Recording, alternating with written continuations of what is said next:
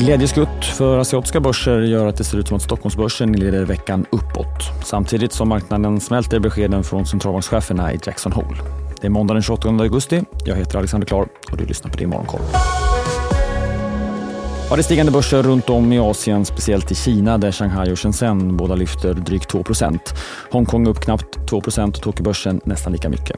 I helgen meddelade Kina att man med start idag måndag sänker den så kallade stämpelskatten på aktier för att stärka marknaden. Det är första gången på 15 år som man sänker skatten. Både Shenzhen och Shanghai öppnade upp drygt 5 Kinas motsvarighet till Finansinspektionen meddelade också att man vill dämpa takten för börsintroduktioner och skyller på den senaste tidens marknadsförhållanden.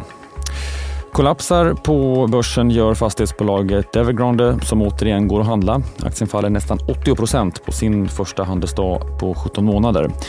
Aktien stoppades från handel i mars i fjol. Senare idag så röstar långivare om bolagets pågående rekonstruktion Bolaget har bland annat ansökt om konkursskydd i USA och tvingas visa upp sina röda siffror för de senaste åren.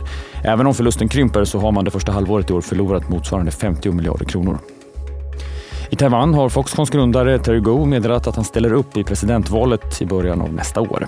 72-åringen har ställt upp tidigare utan framgång och blir valets fjärde kandidat. Gou lyfter fram att han med sin långa erfarenhet inom industrin kan mildra den ansträngda relationen mellan Kina och USA och tryckte på att han inte kommer tillåta att Taiwan blir nästa Ukraina. Presidentvalet hålls i januari nästa år och kantas av spänningarna med Kina. De senaste veckorna har Kina ökat sin militära närvaro utanför landets kust och även begränsat import från Taiwan.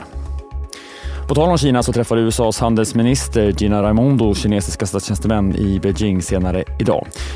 På valutamarknaden så kan vi notera ganska små rörelser över helgen. Kronan har visserligen tappat ytterligare något både mot euron och dollarn och det är ganska så små rörelser på räntemarknaden. Och det blev inte mycket rörelser i slutet av förra veckan heller trots då att Fed-chefen Jerome Powell upprepade en mer hökaktig inriktning vilket bekräftar den senaste tidens uppgång på räntesidan. Powell sa bland annat, det han sagt tidigare, att inflationen är för hög och att centralbanken är beredd att höja räntan ytterligare. Senare i veckan kommer amerikansk inflationsdata, mätt som PC, vilket vi brukar säga är Feds favoritmått.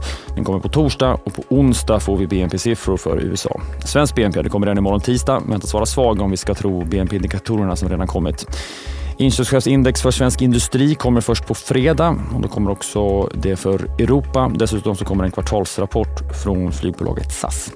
I övrigt från europeiskt håll så får vi i veckan eh, både inflationssiffror och konsumentförtroendemätningar. Men veckans huvudnummer är på fredag då den amerikanska jobbrapporten kommer, Non-Farm Payrolls.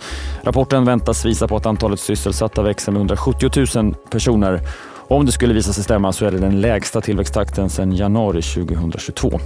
Och de senaste två utfallen har varit svagare än väntat med en sysselsättning strax under 190 000 personer både i juni och juli.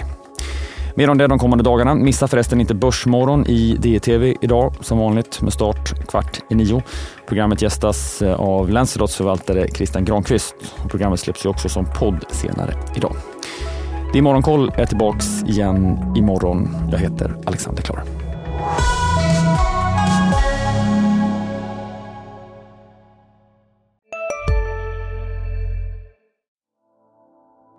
Nu släpper vi en ny podd. Expressen Dock. Einar han går in i fel gård, förstår du? Och sen där, en annan skytt jag tror kommer emot honom och, och fortsätter skjuta. Lyssna på premiäravsnittet. Mordet på Einar, det sista vittnet. Med mig, krimreporter Nina Svanberg. Hon började skrika på mig. Backa hon började säga. Så vad, vad hände? Så hon bara, han är död. Så jag bara, vad säger du för något? Så hon började skrika, han är död. Så jag sköt honom nu 21 meter. Lyssna i appen eller där poddar finns. CSRD. Ännu en förkortning som väcker känslor hos företagare. Men lugn, våra rådgivare här på PWC har koll på det som din verksamhet berörs av. Från hållbarhetslösningar och nya regelverk till affärsutveckling och ansvarsfulla AI-strategier. Välkommen till PWC.